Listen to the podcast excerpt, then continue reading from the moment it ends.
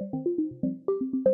Ողջույն, Civilnet-ը ներկայացնում է դեկտեմբերի 16-ի հիմնական իրադարձությունները։ Պաշտպանության բանակը հայտնել է Հադրութի հին թաղեր եւ Խծաբերդ գյուղերի ուղությամբ մի քանի մարտական դիրքերի անձնակազմի հետ կապը կորցնելու մասին։ Արցախի մարդու իրավունքների պաշտպանը հայտնել է, որ Խծաբերդի ուղությամբ անհետ կորել է շուրջ 60 զինծառայողից բաղկացած մի ստորաբաժանում։ Նիկոլ Փաշինյանն իրեն համարում է թիվ 1 պատասխանատուն, բայց ոչ թիվ 1 մեղավորը։ Կորոնավիրուսի իրավիճակը Հայաստանում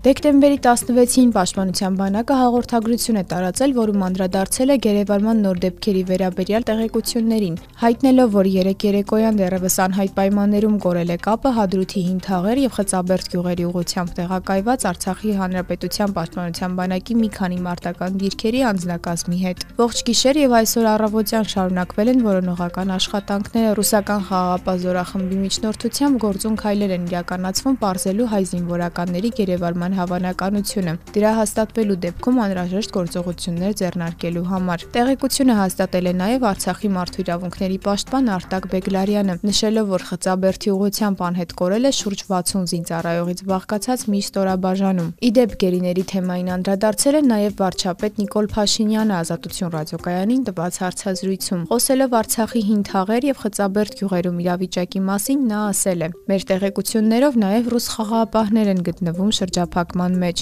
Կապի խնդիր կա, որովհետև տեղանքի բերումով նաև իրադարձությունների բերումով հաղորդակցության որոշակի խնդիրներ կան։ Ընդ որում այդ խնդիրներն ունեն նաև ռուս խաղաղապահները եւ այնտեղ որոշակի ճգնաժամային իրավիճակ ունենք մենք։ Ինչ վերաբերում է Հադրութ-Շուշի հատվածում նոր գերիների մասին տեղեկությանը Փաշինյանը հաստատել է այն։ Մարմարաշենի համայնքապետ Կարեն Արշակյանը դեկտեմբերի 16-ին փոխանցել է, որ ադրբեջանական տեսանյութերում երևացող հայ զինվորականների մեծ մասը Շիրակի մարզից է։ Ծնողները նրանց նրանց նույնականացրել են։ Հարազատները փակել էին Քեթի գյուղ տանող ճանապարհը պահանջելով որևէ տեղեկատվություն։ Դեկտեմբերի 15-ին ժամը 14:17-ի սահմաններում Պաշտպանության բանակի հյուսիսարևելյան ուղությամբ տեղակայված զորամասերից մեկի պահպանության տեղամասում դեռևս չպարզված հանգամանքներում մահացու հրազենային վիրավորում է ստացել զինծառայող 2002 թվականին ծնված Վահե Հովանեսի Բաբայանը։ Ինչպես հայտնում է Արցախի պաշտպանության բանակը, դեպքի մանրամասները բարձելու համար կատարվում է քննություն Ողջույն։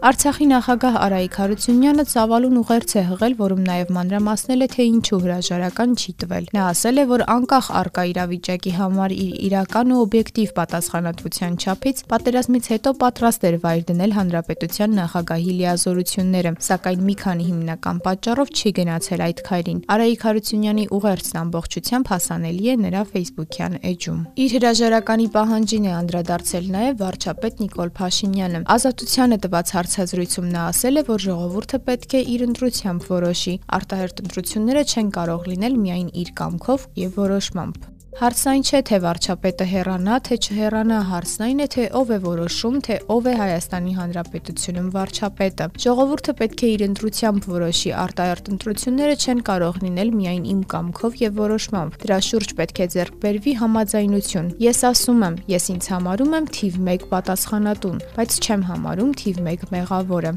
ասել է Փաշինյանը։ Հայաստանում դեկտեմբերի 16-ին հաստատվել է կորոնավիրուսային հիվանդության 1098 նոր դեպք։ Մահացել է 27 մարդ, առողջացել է 1242-ը։ Դրական է կատարված թեստերի 33.5%-ը։